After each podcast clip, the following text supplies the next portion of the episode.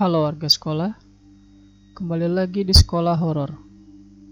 Di episode kali ini, menceritakan tentang kerasukan hantu penunggu sekolah ketika H-1 UN yang ditulis oleh akun Twitter Azizus. Selamat mendengarkan.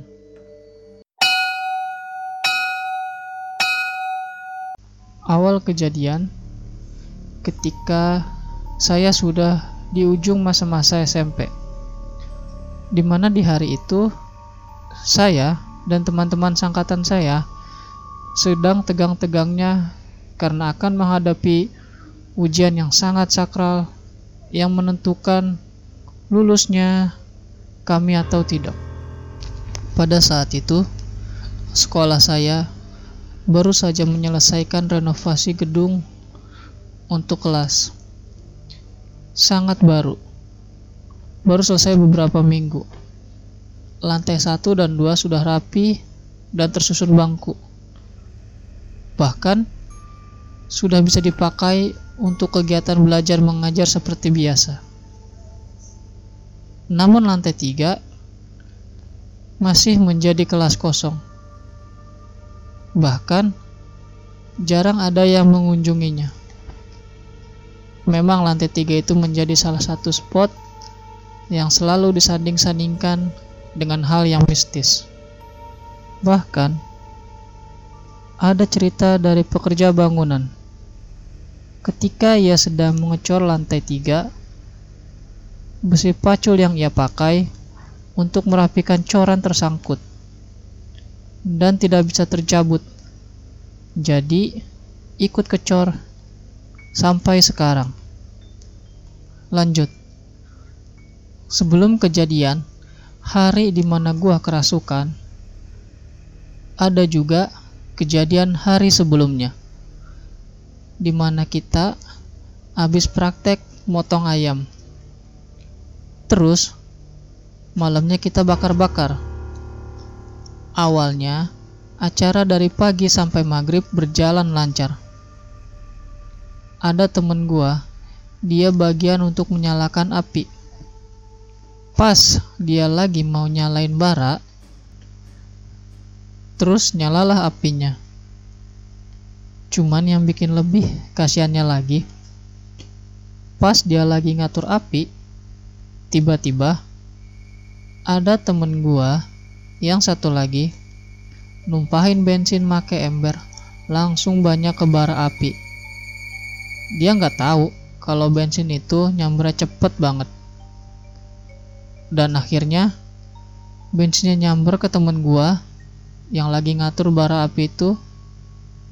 Kaki dia terbakar, bahkan api udah mau naik ke atas badannya. Di situ banyak banget temen gue yang nyaksiin. Tapi untungnya ada temen gue yang otaknya cerdas banget. Yang lain mah cuma bisa teriak-teriak. Tapi temen gue yang satu ini langsung lari ke kamar mandi dia basahin badannya dan langsung lari ke arah temen gue yang kebakar terus dia peluk dan akhirnya apinya mati tapi semua udah telat. Kaki sama tangan temen gue ini udah sekitar 70% kulitnya kebakar. Dan di UN dia pun harus diwakilkan. Setelah kejadian ini, sekolah gue jadi rame banget, bahkan viral di sekolah-sekolah lain. Dan salahnya lagi, ketika pas lagi bikin acara ini guru praktek gua ini nggak minta izin dulu ke kepala yayasan kalau mau bakar-bakar malam itu. By the way kepala yayasan sekolah gua ini seorang kiai. Terus kata kepala yayasan gua dia ngomong sebenarnya saya agak nggak setuju dengan acara ini Bahkan dari siang ada yang ngeganjel. Ternyata benar. Sekarang ada kejadian kayak gini. Sumpah, di situ pikiran gue langsung buyar. Banyak temen gue yang langsung pada pulang. Tapi ada juga yang kawal temen gue yang kebakar itu untuk ikut ke rumah sakit. Oh iya, gue tinggal nggak jauh dari sekolah, sekitar 100 meteran lah. Deket banget sih, ya tapi sering telat. Besoknya, gue dikasih tahu sama guru gue kalau gue jangan coba-coba buat naik ke lantai tiga gedung itu. Mau alasannya apa pun, pokoknya gue nggak boleh buat nginjek lantai tiga itu. Oke lah, gue nurutin perintah guru gue ini.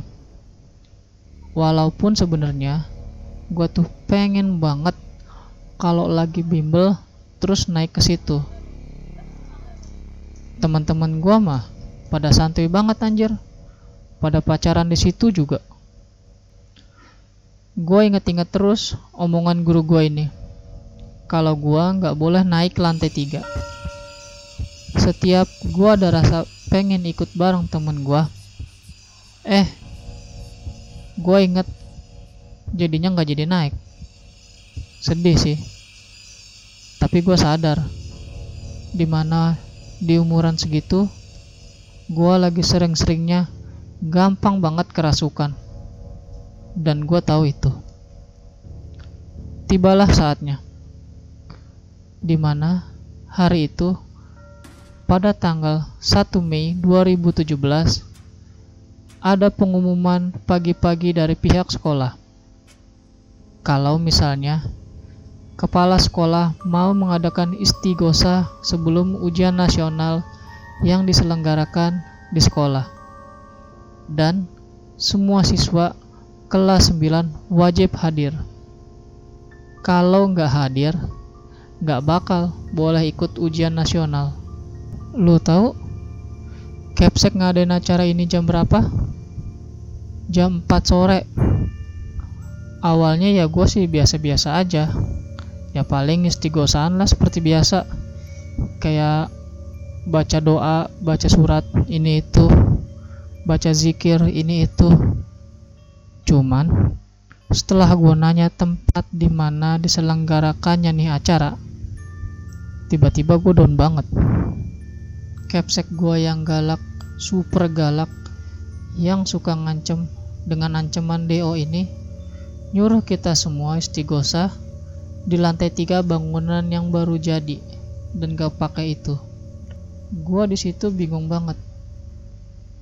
Udah berbagai alasan tapi tetap aja Capsek nggak percaya.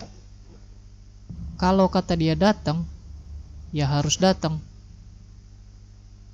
tapi gue inget terus perkataan guru gue kalau gue nggak boleh naik ke situ cuman gue akhirnya kepaksa naik walaupun hati takut banget. Perasaan udah gak enak aja. Awalnya rame-rame naik ke lantai tiga. Biasa-biasa aja sama temen-temen gua.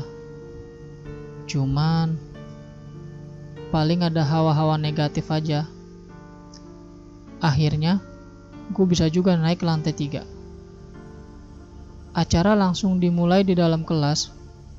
Cuma ketika Ustadz Kepsek dan teman-teman gue baca doa dan zikir. Lu tahu apa yang gue lihat? Gue ngeliat banyak banget hantu yang lagi gelantungan di atap, di jendela pintu, pokoknya di mana-mana. Rame banget. Pantes, guru gue ngelarang banget gue ke situ. Sumpah, di situ gue nangis anjir. Nangis ketakutan. Mereka semua tahu kalau gue peka. Makanya mereka kayak terus ngedeketin gue. Mungkin kalau dibilang marah ya marah. Di situ gue langsung gak berani melek. Gue nunduk. Teman-teman gue yang udah paham langsung ngusap-ngusap punggung gua. Jujur, banyak banget jenisnya. Kayak udah emang sarangnya. Gua nggak kuat sumpah. Gue baca-baca aja sampai gemeteran. Mana ustadznya lama banget. Sampai-sampai udah selesai tuh jam setengah enam sore. Udah mendekati maghrib. Kondisinya makin parah aja. Akhirnya selesailah acara. Gue buru-buru turun, lari, terus pas udah di bawah, gue langsung pulang rumah gua ngelewatin guru gua yang ngasih tahu kalau gua nggak boleh ke sana. Pas gua lewat guru gua, beliau ngomong, "Kamu kenapa?" Orang mah abis istighosahan seneng, abis doa besok biar lancar UN-nya. Kok kamu malah meringis? Lo ngerti nggak? Kenapa guru gua ngomong gini? Iya, karena pas udah selesai acara tuh punggung gua berat, panas, mood hancur, dan itu tanda-tanda gua mau kerasukan. Akhirnya, guru gua paham. Terus, dia ngusap punggung gua sambil dibacain apa nggak tahu cuma jadi kayak agak enak gitu nah abis itu gue pulang mandi persiapan mau sholat maghrib. Tapi pas gue mau mandi gue kerasa lagi tuh. Kayak ada yang nempel lagi. Singkat cerita gue langsung ke masjid ya gue sholat maghrib. Udah sholat seperti biasa terus zikiran dulu kan. Nah dari sini udah kelihatan nih keanehan-keanehan yang muncul. Di mana pas gue lagi zikir punggung gue ditabok beberapa kali sama temen gue gue kira ada apa ya? Eh, pas sudah selesai zikir, temen gue ngomong, lu gak bisa zikiran apa? Kata dia gitu. Padahal kan gue bisa. Gue langsung tanya balik. Emang salahnya gue di mana? Dan temen gue pun menjawab, Lu bego, orang zikir, la ilaha illallah. Nah lu malah La ilallah please padahal gue ngerasanya udah bener. Tapi temen gue kekeh kalau gue salah. Makanya dia gebuk gue nggak berhenti berhenti tapi gue cuek aja gitu. Walaupun sebenarnya nih punggung masih terasa berat. Akhirnya selesai kan zikiran sama doa terus lanjut deh tuh salam-salaman. Kan kalau habis sholat yang sambil jalan baru juga setengah jamaah gua pas salam-salaman tiba-tiba bruk gue jatuh nggak sadar. Bener-bener di situ badan udah berat banget panas banget gak kuat emosi banget kebetulan yang jadi imam itu guru gua yang paham tentang kondisi gua. Awalnya mata gua cuma hitam. Terus tiba-tiba pas melek gua nggak bisa apa-apa. Pas gua melek gua udah bukan gua. Gue melototin guru gue ini. Nggak tahu kenapa yang masuk sama gue ini kayak yang benci banget sama guru gue ini gua kasih gambaran deh. Jadi, ternyata dia penunggu yang ada di lantai tiga itu. Pas dimediasi sama guru gua, dia kayak gak seneng. Kayak keusik. Mungkin gara-gara acara istighosah itu. By the way, lantai tiga juga belum diselamatin. Mungkin juga ini salah satu penyebab dia marah. Gua nggak tahu jelas. Jin yang masuk ke gua ini ditanyain apa aja sama guru gua dan dia jawab apa aja lewat mulut gua. Tapi yang pasti yang masuk ke gua bukan cuma satu. Bergilir setelah setengah jam lewat, guru gua ngeluarin makhluk itu dari badan gua. Ada lagi jenis lain yang masuk ke gua, yaitu Mbak Kun Kun. Dia kekeh, pengen bawa badan gua. Dia juga berontak, mau bawa badan gua cenah. Dia suka sama gua. Makanya dia mau badan gua. Hingga akhirnya bisa juga dikeluarin nih makhluk. Oh iya. Pas gua kerasukan ada sekitar lima orang yang megangin gua. Yang pertama Pak Satpam yang gendut banget. Kedua abang-abang habis sholat. Yang ketiga marbot masjid. Yang keempat kiai gua yang badannya gede juga. Dan yang kelima adanya ustadz gua. Bayangin seremuk apa badan gua dipegangin lima orang pejantan kayak gitu? Cuma pas dikeluarin Nggak tahu kenapa tangan gue yang sebelah kanan nggak bisa diem. Kayak berontak nggak terkendali. Cuma tangan sebelah kanan. Terus, dikeluarin juga di tangan kanan gue sama ustadz gue. Ganti ke tangan kiri. Terus, ke kepala. Kepala gue godek-godek tapi kenceng banget Gak tahu kenapa godek-godek sendiri. Ya ampun, gue di situ sampai udah pasrah banget. Padahal dari awal gue kesurupan, ada 10 anak pengajian yang bacain gue surat-surat khusus. Tapi gak mempan. Kata dia, dia lebih hafal. Akhirnya, langsung ada yang azan. Tiba-tiba, gue langsung kayak enteng banget. Mereka kayak udah pada pergi, kocar kacir gitu. Tapi setelah kejadian itu, gue malah minta makan sama daging ayam.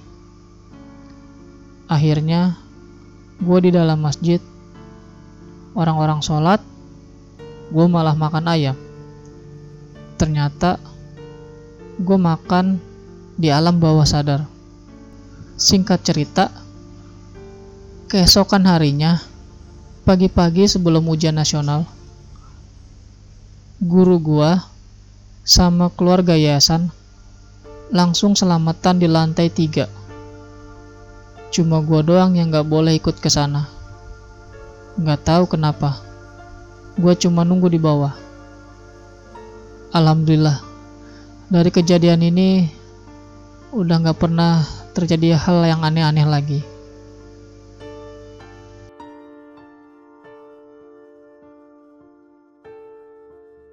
Itu dia cerita mengenai kerasukan hantu penunggu sekolah pas H-1 ujian nasional.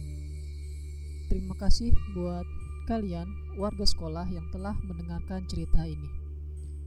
Jangan lupa untuk like dan share video ini agar warga sekolah horor semakin bertambah.